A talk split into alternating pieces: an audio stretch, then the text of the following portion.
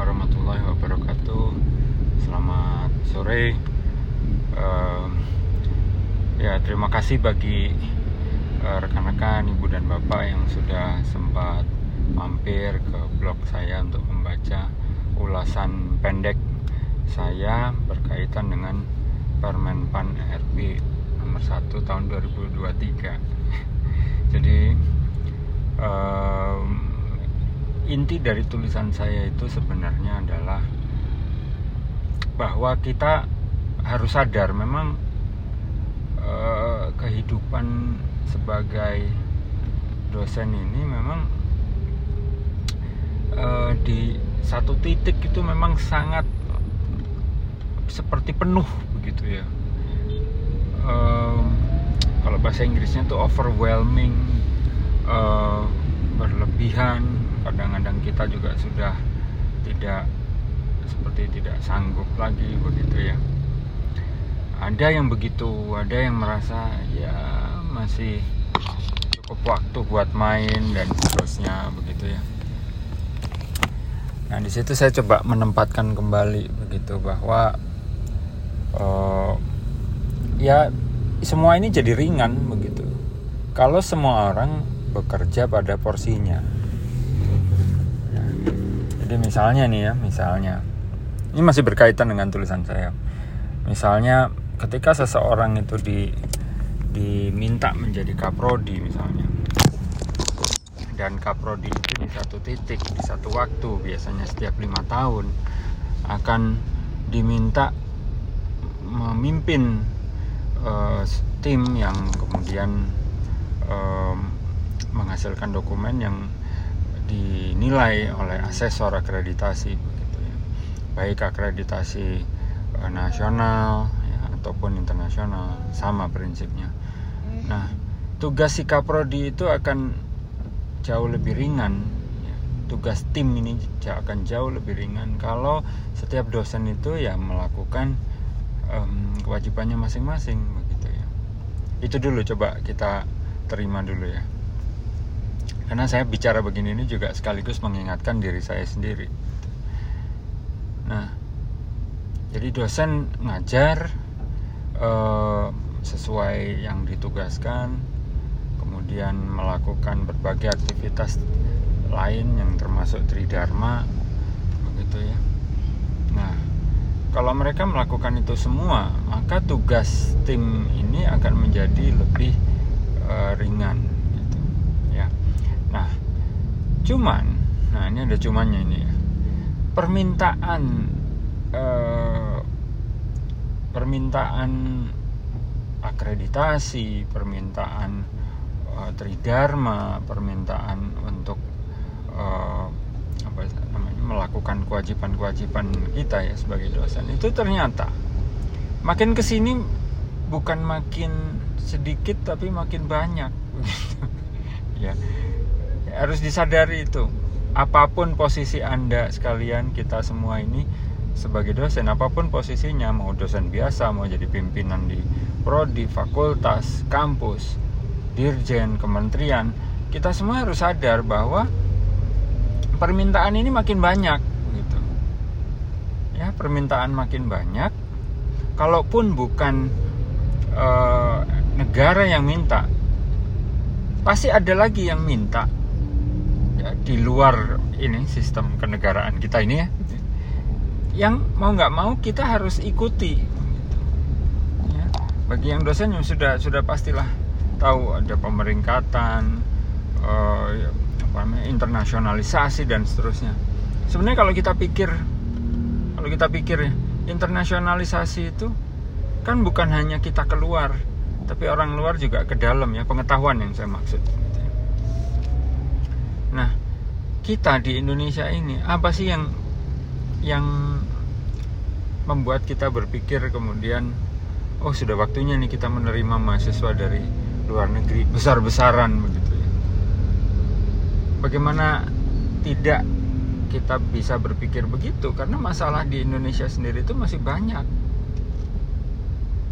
Jadi apa yang membuat kemudian yang dimaksud dengan internasional internasionalisasi adalah Salah satunya adalah berhasil menerima mahasiswa asing untuk sekolah di Indonesia sebanyak mungkin.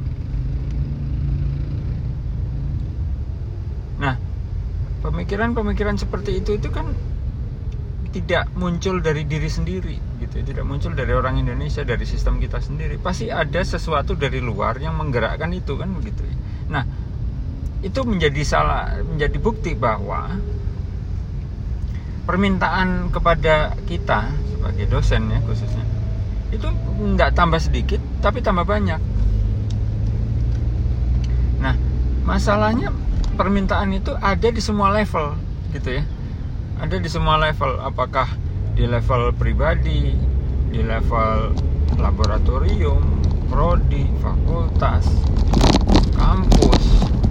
Bahkan nanti di antara kampus ini juga membuat apa semacam paguyupan asosiasi begitu nah di semua level itu akan ada permintaan baru yang tidak tidak bertambah sedikit gitu. nah akibatnya sebagai dosen ini kan kita sudah kehilangan kemampuan untuk memilih begitu ya. Karena semuanya harus dikerjakan. Kita asumsikan dulu bahwa dosen yang saya maksud adalah dosen yang memang mengerjakan apa yang ditugaskan itu itu aja dulu kita asumsikan itu. Saya nggak mau memikirkan dosen yang nggak mau kerja senangnya di luar uh, beraktivitas di luar maksud saya. Uh, meninggalkan macam-macam gitu ya yang yang harusnya dikerjakan di dalam. Saya tidak mau memikirkan itu. Yang mari kita pikirin dosen-dosen yang memang berada di dalam dosen-dosen yang memang beraktivitas untuk kemajuan kampusnya masing-masing. Mari kita bicara itu, kita asumsikan itu. Nah, jadi dosen-dosen seperti itu itu sudah kehilangan opsi untuk bisa milih sebenarnya gitu. Dia itu harus mengerjakan apa gitu ya. Lagi kuliah misalnya, maka dia harus memikirkan uh, kalau dia juga rajin penelitian memikirkan tahapan penelitian berikutnya gitu ya uh, serapan dana sudah sekian berapa persen outputnya atau luarannya sudah dibuat atau belum. Begitu pula ketika dia sedang terjun uh, menangani risetnya begitu misalnya di lab begitu. Nah itu memikirkan kira-kira besok ini kuliah itu membahas apa begitu ya. Uh, dan seterusnya belum lagi ditambah uh, pengabdian masyarakat ya. Pengabdian masyarakat yang saya maksud di sini yang betulan pengabdian ya bukan dibayar untuk mengabdi gitu ya. Seperti layanan kepakaran misalnya saya dapat tugas dari satu instansi di luar saya dapat honor untuk itu nah itu kan layanan kepakaran sebenarnya bukan pengabdian masyarakat pengabdian masyarakat itu ya contoh seperti ini begitu ya saya menggunakan waktu saya dan resources atau sumber daya yang saya punya, handphone punya saya, suara punya saya, pemikiran punya saya begitu ya, untuk membuat rekaman ini begitu ya. Tidak lain tujuannya agar uh, yang mendengar itu bisa lebih paham lagi. Nah itu peng, pengmas yang saya maksud. Nah jadi tiga hal itu dulu mungkin kita merasa ah semuanya bisa inline begitu ya, semuanya bisa selaras pemikirannya begitu. Waktunya pembagian waktunya pembagian pikirannya itu semua selaras begitu kan. Ya memang semuanya streamline ya e, semuanya kan relevan bisa bisa dikemas secara e, dengan baik. Nah, cuman dengan adanya banyak permintaan ini maka mulai masing-masing itu menjadi tidak tidak selaras begitu ya menurut saya. Menjadi tidak selaras. Karena ya tadi pikiran tuh jadi berebut gitu ya berebut. Jadi saya itu sekarang harusnya konsen ke mana ini? Pengajaran atau pendidikannya juga perlu banyak hal yang dipikirin perlu uh, banyak permintaan juga ya. Contoh misalnya untuk akreditasi itu kita harus mengkonversi misalnya dari SAP menjadi RPS misalnya. Uh, apa misalnya konsep yang zaman dulu ya sejak uh, blend misalnya ada blended learning kemudian ada macam-macam lah problem based learning terus ada era MBKM ini. Kita itu kan selalu akan diminta yuk kita rubah kita rubah menjadi ini kita rubah jadi ini, dan seterusnya. Dan itu kan perlu waktu gitu ya. Jadi nyaris tidak ada uh, segmen pekerjaan atau segmen penugasan di dunia akademik dan dunia dosen ini yang yang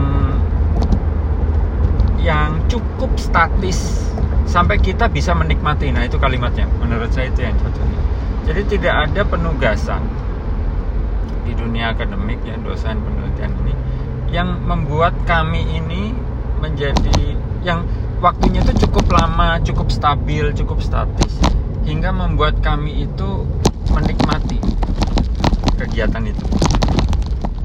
Semuanya berganti dinamis sekali. Uh, kalau tidak setiap uh, tahun ya, setidaknya setiap lima tahun sebentar. Kalau tidak setiap tahun ya setiap lima tahun begitu ya. Berganti.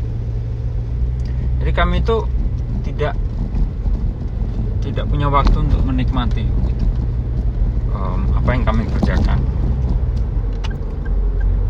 Jadi dosen yang berhasil saat ini menurut saya adalah dosen yang berhasil memanfaatkan segala perubahan ini uh, untuk bisa menikmati. Atau uh, dosen yang bisa menikmati seluruh perubahan atau dinamika yang dia rasakan yang dia uh, lakukan ya setiap hari. Nah itu dosen yang berhasil menurut saya. Yang kalau bahasa kerennya itu dosen yang resilient gitu ya yang tahan banting disuruh ini dikerjakan masih bisa senyum disuruh itu dikerjakan masih bisa senyum. Ya, itulah dosen yang yang berhasil yang sukses menurut saya untuk ukuran sekarang ini. Nah sekarang uh, berikutnya adalah perubahan-perubahan ini itu datangnya mendadak. Dalam skala hidup dosen mendadak. Bukan skala waktu geologi ya tapi skala waktu dosen. Itu mendadak salah satunya adalah perubahan cara kita uh, dinilai kinerjanya, perubahan cara kita uh, me mendapatkan promosi ya, atau penilaian kinerja dengan adanya Permen Pan RB nomor 1 tahun 2023 ini. Nah, tadi siang salah satu dosen di tempat saya itu bilang Pak Erwin sebenarnya pada pertengahan tahun 2022 itu sudah muncul ada Permen Pan RB transisi gitu ya yang menyebabkan beberapa unit kerja ASN di luar universitas di luar Dikti ya, di luar Kemendikbud Ristek itu sudah melakukan proses yang kita lakukan sekarang dalam dunia dosen ini yang deadline-nya 15 April itu. Mereka sudah melakukan itu kebetulan rekan saya ini pasangannya adalah uh, yang bekerja di suatu kementerian ya ASN juga. Nah si pasangannya ini heran kenapa kok baru bingung sekarang? Bukannya itu sejak Juli atau Juni tahun 2022 juga sudah ada itu uh, aturan transisinya. Nah uh, nah ini saya jadi jadi berpikir begitu ya. Dalam tulisan saya tadi pagi kan bahwa perubahan itu kalau bisa ya jangan mendadak. Dan yang saya sebut tidak mendadak itu setidaknya setahun idealnya atau enam bulan gitu. Bilang bahwa setahun lagi kamu akan mengalami ini gitu. Atau setidaknya enam bulan sebelumnya kita dikasih tahu kita akan mengalami ini. Yang dampaknya adalah ini maka anda harus melakukan ini gitu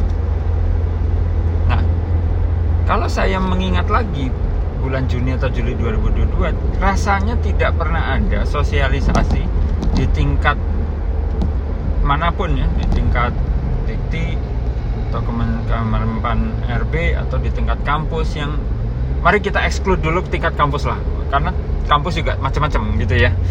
Eh, pimpinannya juga macam-macam ya ada yang sensitif ada yang tidak gitu ya ada yang reaktif ada yang tidak. Mari kita eliminir dulu eliminasi tingkat kampus jadi setidaknya tingkat Kemenpan RB dan Kemendikbud Ristek ya. Kok rasanya tidak seramai ini dan tidak segencar ini rasanya begitu seingat saya. karena kalau saya biasanya saya akan mencatat mungkin menggambar begitu ya kalau ada pengumuman-pengumuman yang seperti ini levelnya nah rasanya kok nggak ada gitu nah jadi eh, di sini saya kemudian berpikir bahwa memang ada satu sisi lain dari dosen ini yang dituntut juga ya tuntutan kepada dosen. Ini ada satu sisi lagi yaitu sisi untuk menjadi sensitif terhadap regulasi. Khususnya regulasi yang tidak dibuat oleh kementeriannya sendiri gitu ya. ya itu rupanya juga dosen ini kurang begitu. Tapi saya akan coba lihat lagi.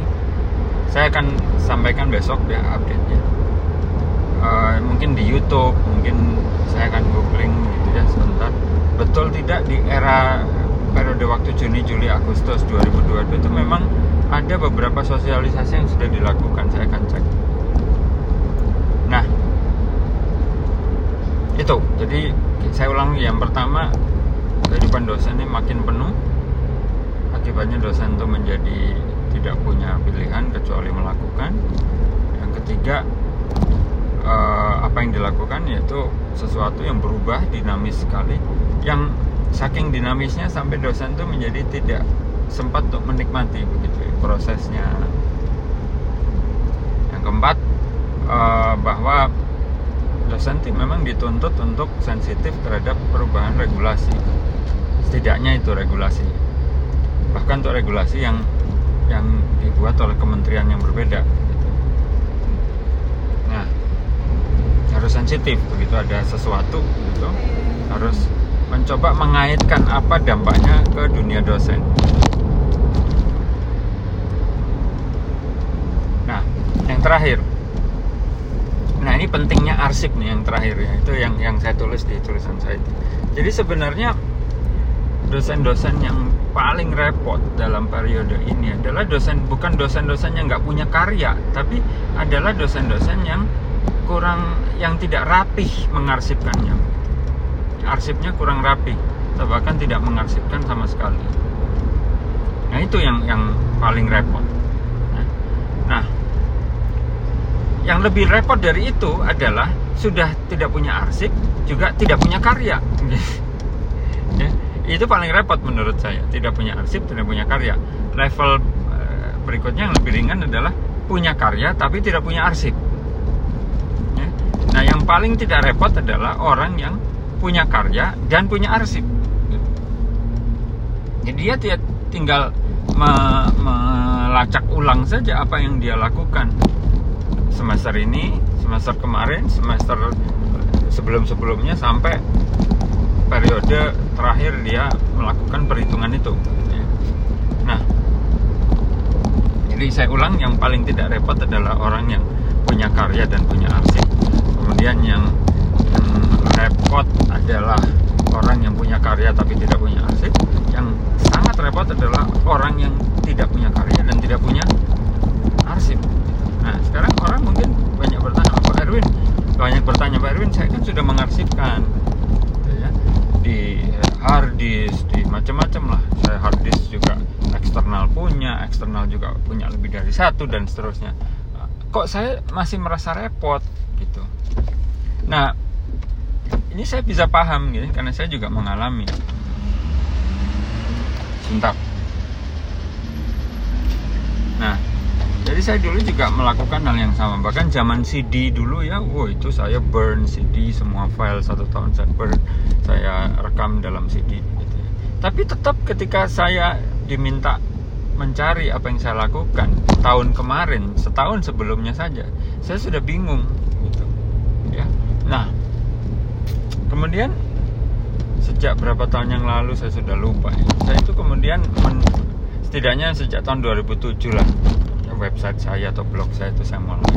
Nah, sejak itu saya kemudian mulai menyadari bahwa uh, dunia apa arsip ini ya, dunia arsip ini uh, kita harus punya apa ya metadata yang sudah pasti ya, metadata.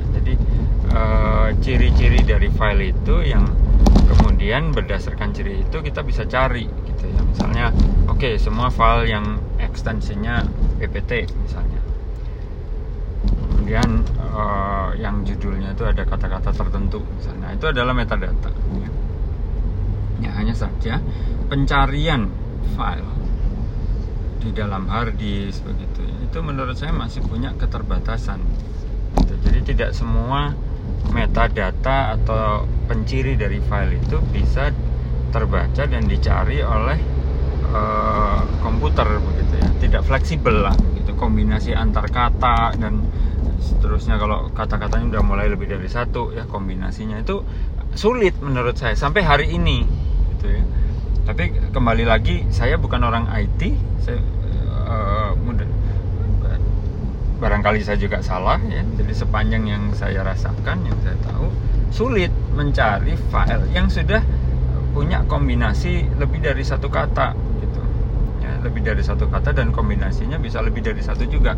Ya, kata-kata itu bisa depan belakang atau yang tadinya di belakang bisa di depan itu udah sulit. Kita mencari di hard disk. Gitu ya. nah jadi tidak fleksibel begitu pencarian itu. Nah, tapi kemudian ketika saya mulai blogging itu ternyata saya menemukan bahwa oh kalau di internet itu ya online ya dunia daring ya dunia daring itu khususnya yang lewat jaringan internet itu ternyata teknologi pencarian itu makin fleksibel.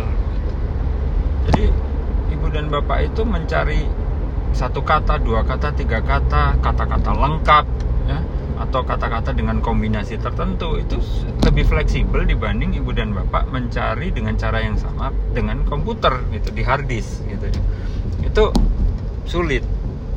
Lebih mudah kalau ada di internet gitu ya. Nah sejak itulah kemudian saya merubah pengarsipan saya selain selain juga masih mengarsipkan di hard drive gitu ya. Nah saya mencoba semua file yang sifatnya publik ya materi kuliah terutama paper salin dia presentasi uh, yang sifatnya publik ya misalnya. Uh, ya hasil analisis hasil riset begitu ya. Itu kalau se semaksimum mungkin saya harus posting di internet. Dalam format apa pun yang bisa itu saya inginnya posting. Saya unggah ke, ke online ya, daring ya kalau yang sifat jenisnya PowerPoint ya salin dia baik PowerPoint formatnya atau PDF ya bisa di portal apa misalnya SlideShare, Speaker Deck begitu ya. Atau kalau misalnya formatnya PDF di OJX ya bentuknya teks itu ya bisa di situ juga bisa ya, di SlideShare atau Speaker Deck. Tapi juga bisa di uh, repositori umum yang sekarang ada di website saya sendiri begitu ya. Misalnya saya uh, mengirimkan abstrak begitu ya ke satu konferensi. Maka abstrak itu juga saya saya salin ke blog saya begitu ya. Saya cukup cerita aja bahwa uh, saya baru submit ini abstrak ya. saya baru mengirimkan abstrak ini untuk acara ini tanggal ini di mana begitu. Nah, isinya seperti ini nah kalau saya lagi rajin saya ceritakan kenapa saya menulis abstrak itu. Nah itu saya taruh di blog saya atau di akun daring apa pun yang saya punya di medsos pun gitu ya. Nah itu saya lakukan terus sejak 2007 ya kemudian kalau anda senang dengan research kit ya, ya bisa pakai itu juga. Karena pencarian diri eh, dokumen yang diunggah ke research kit itu juga menurut saya eh, baik ya sangat baik gitu ya. pasti ketemunya lah Nah, itu saya buktikan dengan membantu beberapa dosen yang naik pangkat. Saya bantu berkaitan dengan tadi ya eh, apa namanya arsip daringnya itu ada di mana begitu. Itu ternyata kalau kita punya judul paper misalnya yang kita belum tahu tersimpan di mana begitu entah di jurnal atau di proceeding atau di website apa pun lah begitu itu anda kita copy paste judulnya lengkap pasti ketemu. Kalau memang daring kalau memang sudah pernah diunggah daring judul itu. Ya. pasti ketemu. Kombinasi tiga kata saja juga bisa ketemu juga. Ya. peluang ketemunya itu besar. Nah dari situ saya berpikir ya memang berhasil ini bekerja betul ini masalah meng mengunggah karya kita secara daring ini ya. Terutama untuk karya-karya yang memang normalnya tidak dipublikasikan oleh infrastruktur yang rapih ya. Misalnya kalau saya menulis artikel di sebuah jurnal nah itu sudah rapi ya semua jurnal itu bisa dibilang semua jurnal juga sudah daring dan me mekanisme pencariannya metadatanya itu sudah rapi gitu ya. pasti ketemunya kalau sudah terbit di jurnal. Pasti ketemunya kalau sudah terbit di proceeding yang memang sudah daring gitu tapi kalau eh, karya-karyanya itu tidak termasuk yang seperti itu yaitu menjadi tanggung jawab kita sebagai penulis sebagai peneliti untuk menyediakan versi daringnya tanggung jawab kita.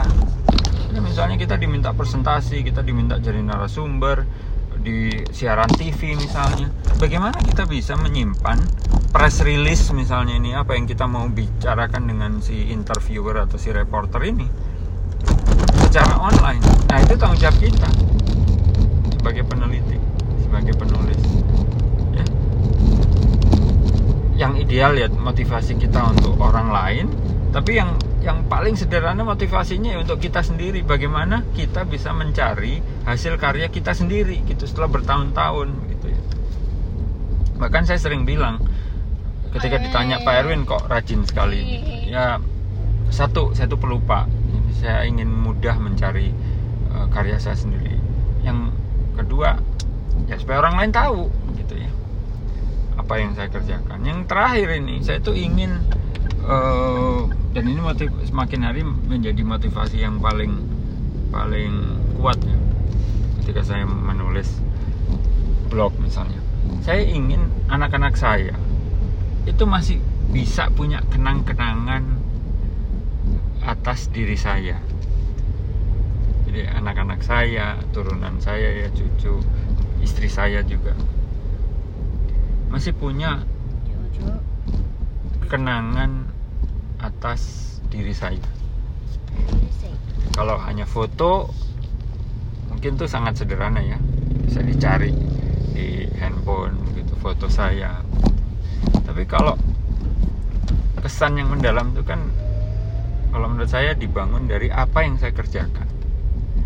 Jadi kalau misalnya orang-orang di sekeliling saya bisa tahu bisa masih membaca gitu ya melihat apa yang saya kerjakan. Mestinya kesan terhadap diri saya ketika saya sudah tidak ada itu ya ya makin kuat makin dalam begitu ya. Ya saya pakai uh, ini saja prinsip pelukis ya. Lukisan itu kan menjadi mahal ketika pelukisan sudah tidak ada. Nah, saya pun sama. Saya berpikir kesan terhadap diri saya gitu ya. Setidaknya di orang-orang sekeliling saya ini ya, itu uh, akan makin dalam ketika mereka bisa membaca lagi melihat apa yang saya kerjakan. Itu caranya bagaimana? Adalah dengan cara membuat arsip daring nah itu mungkin yang bisa saya sampaikan ya untuk mengulas kembali tulisan saya tadi pagi plus perkembangan baru ya tadi fakta bahwa ternyata ada permenpan transisi di yang dirilis bulan Juni atau Juli tahun 2022 yang masih akan saya cek. Mudah-mudahan uh, ibu dan bapak sekalian rekan-rekan ya yang mendengarkan ini menjadi lebih sadar lagi untuk menempatkan diri, menempatkan posisi yang baik ya sebagai dosen. Setelah mengingat kembali bahwa karya-karya anda semua ini kita semua ini harus diarsipkan. Nggak usah jauh-jauh untuk orang lain untuk kita sendiri untuk kepentingan pribadi kita sendiri ya. Itu aja dulu ya. selamat sore. Terima kasih sudah mendengarkan. Salam dari Bandung. Assalamualaikum warahmatullahi wabarakatuh